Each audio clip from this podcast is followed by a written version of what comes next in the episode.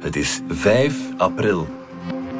Dit is vandaag de dagelijkse podcast van de Standaard. Ik ben Niels de Keukelare. Het is u wellicht ook opgevallen, maart was een bijzonder natte maand. Frank de Bozere zou zeggen, de pluviometers hebben hun dorst kunnen lessen. We zijn nu ongetwijfeld klaar voor een warme zomer, zou je denken. Maar niks is minder waar. En in Zuid-Europa staan ze er nog slechter voor. Wat is er juist aan de hand en hoe kunnen we ons beter voorbereiden op de droogte?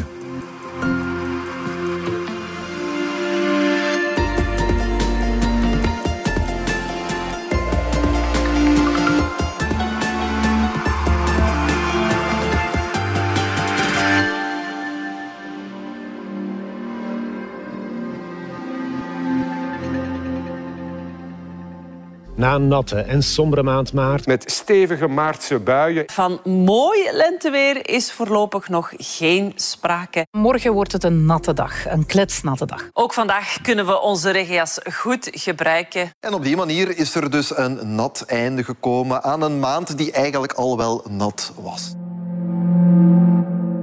Tom Isebaert van onze wetenschapsredactie, heb jij een uh, pluviometer in je tuin staan? Nee, niet echt. Ik heb wel een, een, een waterput. Oké. En die staat nu tot het randje, zeg maar. Ah, prachtig. Je bent klaar voor de zomer. De waterput staat goed vol. Dan zou een mens denken, we zijn gerust, we staan er goed voor. Mhm. Nu mag het warm en droog worden, we kunnen er tegen. Maar helaas, zo eenvoudig is het niet. We hadden een, uh, een neerslagtekort. Dus dat betekent dat er... Uh, minder regen valt dan dat er verdampt. Mhm. Na die warme zomer van 2022. Dus Ja. het was een uitzonderlijk uh, warme en droge zomer. Mhm. Eentje voor de geschiedenisboeken. Dus, en, en zo'n tekort ja, wordt dan meestal wel weggewerkt in de winters. Want die zijn natter, dan valt er regen. En dan, Mhm. dan maken we dat allemaal weer goed. Is dat nu het geval? Mm, ja en nee. Het is, we staan op nul, zeg maar. Dus er is geen tekort, dat is op zich goed nieuws. Maar er is ook geen overschot. Nee, nee. Dat is nee. minder goed nieuws, want ja, nu begint het droge seizoen. Bij wijze van spreken, volgens wetenschappers heet dat de hydrologische zomer. Ja, ja. Dus dat zijn de, de zes eh, droogste maanden van het jaar. Dat begint op 1 april, hè, zonder eh, grapjes. en dan zien we van, ja, we hebben geen overschot. Mm, Dat- mhm. Stel nu dat de lente en de zomer die daarna komt eh, weer warm en droog worden. Dan is de kans groot dat we dus weer in, eh, in de problemen komen. Hè. Dat er op een bepaald moment waterschaarste gaat, gaat optreden, dat er weer maatregelen gaan komen. Het is moeilijk te voorspellen natuurlijk, Mhm, maar mhm. laten we ons zeggen dat onze uitgangspositie niet riant is. Nee. Dus dat is al op zich niet echt zo goed nieuws. Nee, ja. maart was erg nat, maar voor de rest van de winter heeft het eigenlijk niet zoveel geregend. Hè? Het was een normale winter, hè, dus niet, niet, niet per se droog, ook niet echt supernat. eh maar bijvoorbeeld februari was een uitzonderlijk droge maand. Het, het was wel somber en, en grijs, dus mens, dat valt zo niet op, maar het heeft bijzonder weinig eh, Mhm. neerslag gevallen. Ik denk zelfs de droogste van de laatste 30 jaar, zeg maar.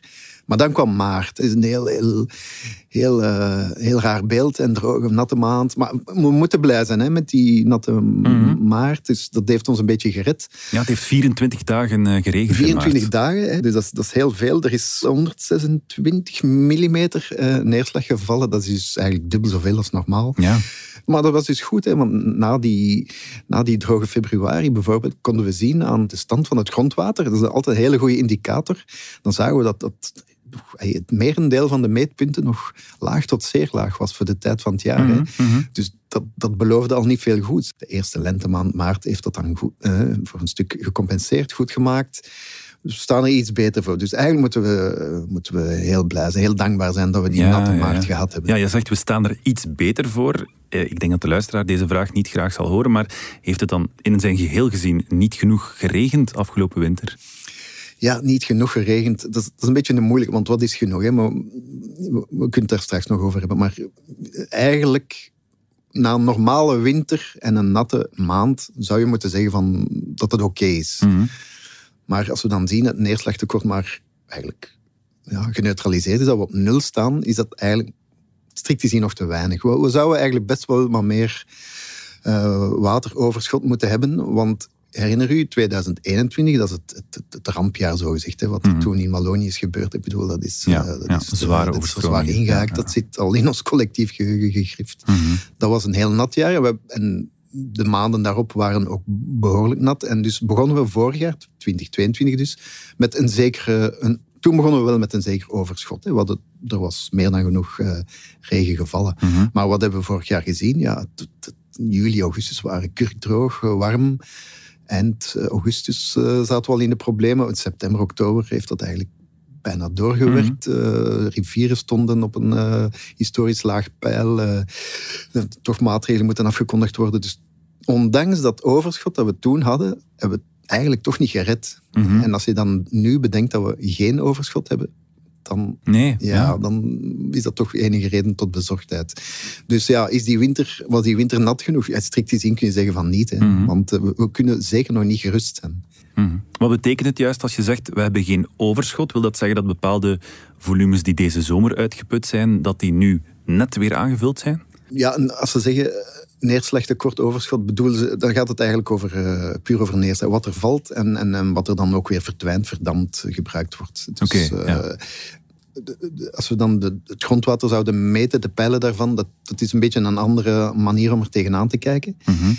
Eh, neerslag en, en, en, en waterniveaus is, is, is niet helemaal hetzelfde. Als we kijken naar de situatie vandaag, dan moeten we vaststellen dat van al het water dat in Vlaanderen binnenkomt, of het nu via rivieren of, via neerslag is, de verdamping trek je eraf, en Mhm. wat we echt, echt opgebruiken. Maar dan nog eh, verdwijnt er 60% gewoon naar zee. Dus dat Ja, loopt ja. gewoon af via riolen, eh, grachten, rivieren naar zee. En dan zijn we het bij wijze van spreken kwijt. Hè? Want dat is water dat we later niet meer kunnen gebruiken. Dus 60% dat is wel... Ik vind dat, ik vind dat al een heel frappant Dat heel cijfer. En dan denk ja. van... Jongen, eh, kunnen, we dat echt niet, kunnen we dat echt niet anders doen? En ja, wat, kunnen we dan doen? Ja, als het valt, het, opvangen, vasthouden, ergens stockeren of, of, hergebruiken, hergebruiken voor, eh, voor later op, op, moeilijkere momenten. En die berekening is, is, al, is, al, is al eens eh, ge- gedaan. Hè. Bijvoorbeeld als, als we zouden erin slagen om het regenwater eh, niet, niet gewoon naar de riolering te sturen en eh, ergens ja, te laten infiltreren, dan, dan kunnen we daar al 150 tot 200 miljoen kubieke meter per jaar mee winnen. Dat is dus, om, ja. om het in liter uit 200 miljard liter. Dat is dat klinkt heel veel. Eh, 200 miljard liter dat zijn, duizelingwekkende cijfers. Heel binnenkort verwachten we nieuwe cijfers van de Vlaamse Milieumaatschappij. Dus die gaan eh, de stand van het grondwater en de waterlopen nog eens in kaart brengen. En de verwachting is, gelet op die natte maart, dat dat gestabiliseerd is. Toch beter is dan, de, dan, dan vier weken geleden, toen het nog ontzettend veel punten veel eh, te lage waterstanden hadden.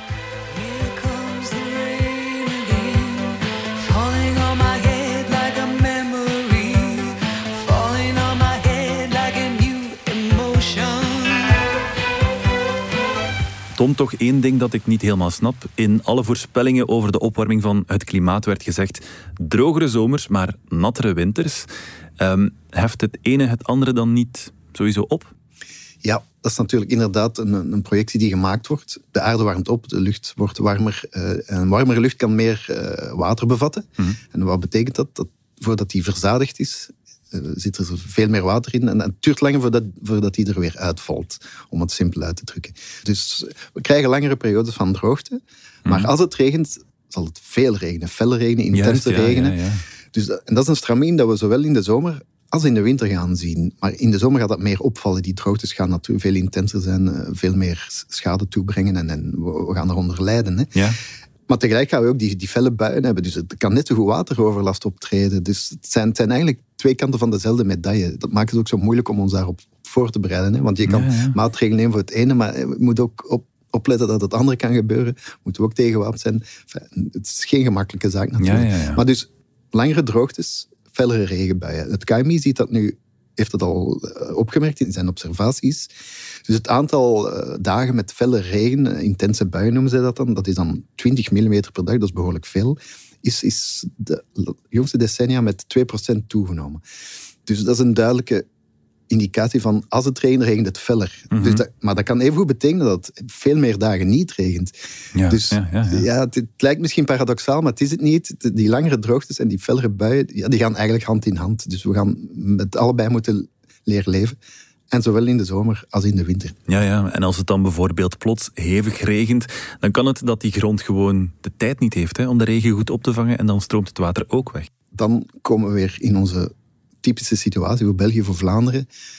Ja, we zijn een dichtbevolkt land. Er is enorm veel verharding. We zijn een van de meest verharde regio's eh, van Europa. Eh, we hebben een wijdvertakt rioleringsnet, dus eh, buizen. We hebben grachten, we hebben drainage.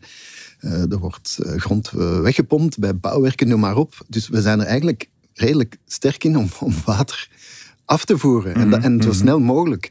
Natuurlijk in een klimaat met veel gezapige en langdurige regen is dat allemaal oké. Dan, dan wil je op bepaalde momenten van dat water af. Maar in een klimaat met lange periodes van droogte is dat eigenlijk geen goede, geen goede zaak, geen goede situatie. Dus nu moet een beetje tegen onze cultuurtraditie, ja, hoe dat we het jarenlang, eeuwenlang gedaan hebben, we moeten daar tegen ingaan en iets anders gaan doen. Dus wat betekent dat? Minder verharden. eh, er is meer waterbuffers aanleggen. Eh, wat kunnen we nog doen? Eh, meer natuur. Hè? Meer, meer, dat, is- dat, dat is een stokpaardje van veel wetenschappers en veel ecologen die zeggen van ja, geef meer ruimte aan de natuur, eh, zodat het water daar kan Ja, ja, zijn ja. vrije gang gaan. En, en daar kan, als er heel veel is, ook weg gaan lopen en daar kan blijven staan. Op, op, rustig de grond incijpelen, zodat ook het grondwater aan, aanvult. Hm. Dat soort dingen. Dus daar moeten we meer naartoe. Dus ja, dat staat een beetje haakt op wat we, wat we lang gedaan hebben. Dus dat, dat wringt altijd, dat is moeilijk. Omdat het gebeurt nu vrij snel op korte termijn dat we die omslag maken. Maar de afgelopen vijf jaar hebben we zulke droogtes meegemaakt dat, dat, ja, dat die, die urgentie is nu, denk ik, toch doorgedrongen. Mhm. Er gaan nu weinig mensen die nog gaan beweren dat het, dat het toeval was, dat het een, een, Ja. een eenmalige grill was. Nee, we zien echt wel iets gebeuren. En, en, en, en ja, dus ja, we gaan ons moeten aanpassen. Er wordt nu heel vaak gevraagd van heeft het al genoeg geregend? Maar eigenlijk is de verkeerde vraag. Eigenlijk moeten we ons niet de vraag stellen heeft het genoeg geregend? We moeten vooral de vraag stellen van hebben we genoeg water vastgehouden als het regent? Ja, dat was Patrick Willems, waterbouwkundige aan de KU Leuven. Je interviewde hem eh, onlangs. Die vraag, heeft het genoeg geregend? Waarom vindt hij die zo fout? Ja, het, wordt steeds moeilijker om te zeggen wat is genoeg. In zekere zin zal het nooit genoeg zijn. Hè? Want als, als het zes maanden droog is, ga je nooit genoeg water hebben. Een deel zal weg zijn, eh, is weggevloeid naar zee, krijgen we nooit meer terug. Je kan nooit gigantische bufferbekkens bouwen om een half jaar eh, droogte goed te maken. Dus eigenlijk genoeg. Ja, hij zegt het is een onzinnige vraag eh, geworden, hè, of, of het ooit genoeg zal regenen. Eh, Wat, omdat we ook niet op die re- regen kunnen rekenen. Dus eh, hij zegt, we moeten, on- onze attitude moet anders zijn tegenover eh, water, droogte, Ja. neerslag. We moet- moeten meer van uitgaan van als hij valt, dat we er iets mee doen. Dat we hem niet zomaar laten wegvloeien. Als hij er dan toch is, dat, we, dat we er zo verstandig mogelijk mee omspringen. Ja, ja, ja. Straks gaan we naar het zuiden en kijken we naar de toekomst. Maar eerst even dit.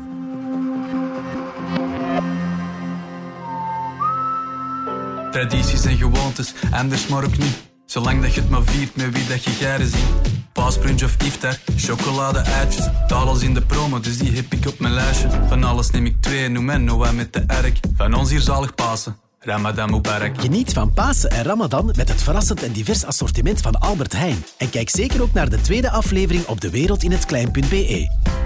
Dat is het lekkere van Albert Heijn.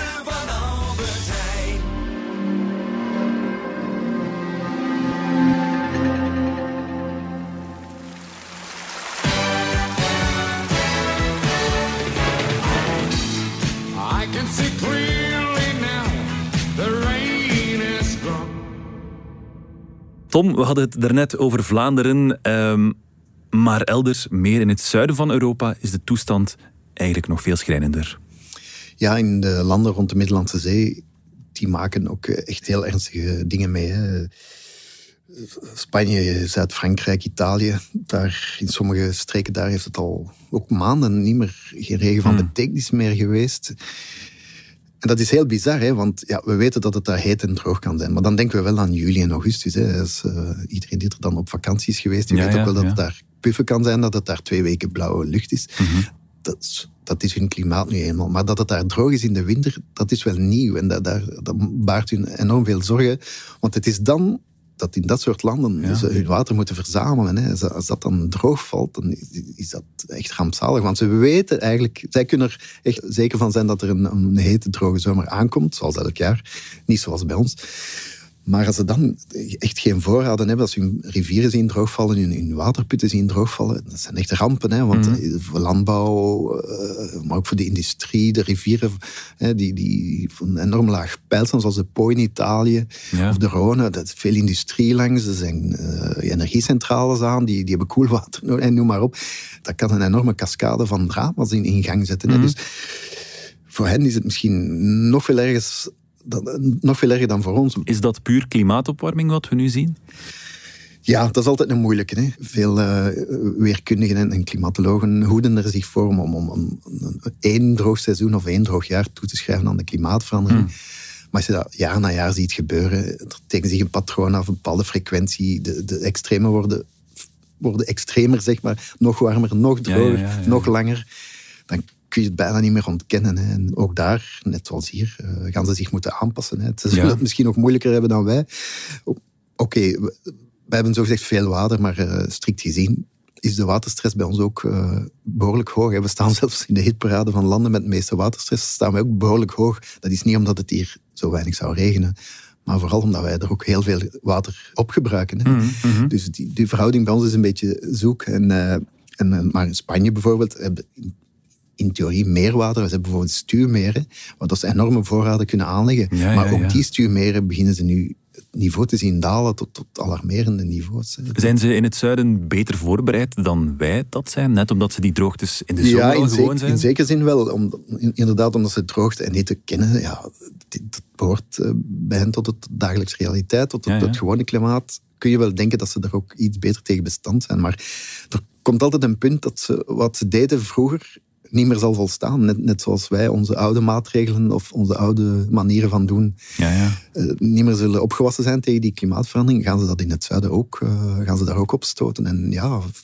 gaan ze ook eh, iets moeten verzinnen of, of zich moeten aanpassen. Maar de vraag is of het nog zal kunnen. Hè, want ja, de, bij wijze van spreken, de verwoestijning rukt op naar het noorden, zal, zal ook in Spanje toeslaan. En, en, en zover zijn wij nog niet natuurlijk. Nee, maar nee. Ja, eh, het zuiden eh, kijkt ook naar, eh, naar barre tijden tegemoet. Ja. Wat kunnen wij leren van hen? Om te beginnen, water is kostbaar, dus er ver- verstandig mee omspringen. Dat is een simpele, dat doen ze daar ook al lang. En, en dat gaan wij ook moeten doen. Niet meer mee morsen, bij wijze van spreken. Wat we iets te lang gedaan hebben. Ik zie hier niet echt stuur meer komen. Daarvoor hebben we de, de ge- geografie niet en ook de rivieren niet. Maar ja, we kunnen met z'n allen veel meer regenwater gaan gebruiken in plaats van kraantjeswater, zodat we dat kraantjeswater niet meer uit de grond moeten pompen of Ja. uit onze waterlopen moeten wegpompen. Ja, we gaan, we gaan nog veel meer moeten doen, dat in elk geval. Ja, in het zuiden zijn ze zich al aan het aanpassen. Terug naar ons land, wordt hier al actie ondernomen? Ja, er is al een en ander eh, op eh, de sporen gezet. In 2020 heeft de Vlaamse regering eh, onder impuls van minister eh, Demir de Blue Deal goedgekeurd. Dat Ja, is een heel ja. pakket van maatregelen. Meer dan 70 acties, 400 projecten, dus dat is niet niks. Een hele boterham. Goed voor ja, toch dik 400 miljoen euro. Dat is oh, geen zakgeld. Eh, er is ondertussen ook een klimaatadaptatieplan. In, in zekere zin moeten we natuurlijk nog altijd proberen het aantal, de uitstoot van broeikasgassen te verminderen, maar zelfs als we dat doen, gaan we ons nog altijd moeten aanpassen aan een veranderend klimaat. Daar, daar ontsnappen we niet aan. Dus er gebeurt wel wat. Gaat het vol, voldoende zijn? Dat is de vraag. Dat hè? is natuurlijk de vraag. Hè. Als ik die vraag voorleg aan, eh, aan Patrick Willems, dan, ja, dan zegt hij stevast van ja, allemaal mooi, nodig, leuk. Maar wellicht niet genoeg. Hè. Dat, hij zegt van het moet allemaal sneller en op grotere schaal. Maar natuurlijk, ja, een beleid, dat is politiek. Ja, je moet eh, de juiste minister hebben, de juiste klemtonen leggen. eh, partijen moeten overeenkomen. Ja, Het ja, moet binnen een beleidsplan passen, budgettaire beperkingen Meer samenwerken. belangen, eh, altijd tegenstrijdige belangen, dat blijft zo. Mhm, Neem nu landbouw en natuur, die staan zo vaak tegen elkaar. Hier in, in zekere zin ook. Want ja, een landbouwer wil dat het in het voorjaar zijn akkers droog zijn, zodat hij er met zijn machines op kan, dat hij het land kan bewerken, kan beginnen aan eh, zijn gewassen. Mhm. De natuurjongens van eh, 500 meter verder hebben een moerassig gebied, die willen niet dat dat drooggetrokken wordt, die willen dat dat puur natuur is, dat dat eh, water op peil blijft. Ja. Dus ja, vaak staan die, denk aan stikstof, met getrokken messen tegenover elkaar. Maar het hoeft niet zo te zijn. Bijvoorbeeld de, de discussie over het mestactieplan hebben bewezen dat milieu- en natuurbewegingen en de landbouworganisaties best wel in staat zijn om, om tot een compromis te komen, tot een consensus te vinden en een gezamenlijk plan op tafel te leggen. Ze hebben water nodig. Ze kunnen niet zonder. Het is voor alle twee cruciaal. Dus het uitgangspunt is voor beiden hetzelfde. Hè. We moeten verstandig omspringen met dat water, zuinig zijn, duurzaam uh, gebruik. Dus eigenlijk uh, willen ze hetzelfde. Dus ik denk dat ze vanuit dat uitgangspunt vertrekken en ze kunnen aan gezamenlijke maatregelen werken en elkaar daarin vinden, dat er echt wel iets denkbaar is. Ja, en Willems heeft het in dat samenwerken over gebiedscoalities. Zet zo'n gebiedcoalitie op om over die acties na te denken en probeer richting een draagvlak te werken. En als dat er is, maak dan een actieprogramma op met duidelijke timing, duidelijke budgetten en zeg van kijk, tegen dan moet die actie gebeurd zijn, dat is de trekker en dat zijn de betrokken actoren en het geld komt vandaar. En het geld kan perfect volgens mij komen van de huidige budgetten voor een heel groot deel. Is dat een belangrijke, die gebiedscoalities? Hij noemt dat dan gebiedscoalities, ja. Dus ja, het zit er in gebied, in bepaalde regio's. Want wat hij in de polders doet, is niet hetzelfde als op de Kempense heide. Dus je moet altijd een beetje aan de regio aanpassen wat je van plan bent te doen. En coalities, ja, alle spelers die ertoe doen op het terrein, laat die, die er gewoon samen over beslissen. Van daar gaan we naartoe. We beslissen om dat te doen en er samen aan werken. Een top-down benadering waarbij de overheid dicteert van kijk, dit is wat de landbouw bij wijze van spreken moet doen. Maar eh, laat, ja, het, met alle actoren rond de tafel, uh, van daaruit van bottom-up uh, de zaak eigenlijk uit te denken en, en, tot een oplossing te komen, een gedragen oplossing.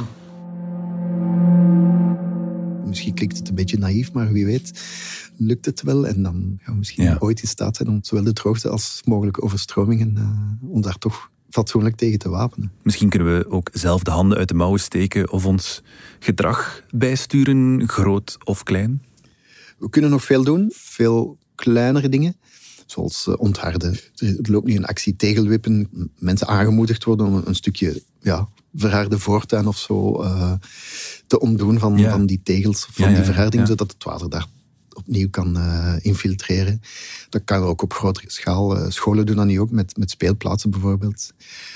Het zijn natuurlijk dingen die altijd een beetje sympathiek klinken. Het is klein, het is, het is goed dat het gebeurt, het is mooi, mm. maar ja, de vraag is, gaan we daarmee redden natuurlijk. Ja. Uh, er wordt heel veel gemikt op natte natuur. We hebben die ook een beetje de afgelopen decennia en eeuwen uh, droger gemaakt, uh, droog gelegd zelfs. Ja, dat kunnen we ongedaan maken. Laat, terug moerassen, wetlands, zoals dat dan heet, drassige landen. Ja. Laat het water daar maar toekomen en stilaan doordringen. En we hebben rivieren rechtgetrokken, alweer om dat water snel af te voeren, ook voor de scheepvaart natuurlijk, maar laten we die terug kronkelen. Want een kronkelende rivier, daar, ja, daar loopt het water trager. Die houdt meer water op. Het is allemaal de richting waar we in moeten. Ik denk niet dat er daar nog veel discussie over is. Mm -hmm, mm -hmm. Ja, goed. Tom Isebaert, dankjewel. Graag gedaan. Dit was vandaag, de dagelijkse podcast van de Standaard. Bedankt voor het luisteren. Volg ons op Spotify, Apple Podcast of eender welk andere podcastplatform. Alle credits van de podcast die je net hoorde vind je op standaard.be-podcast. Reageren kan via podcast.standaard.be. Morgen zijn we er opnieuw.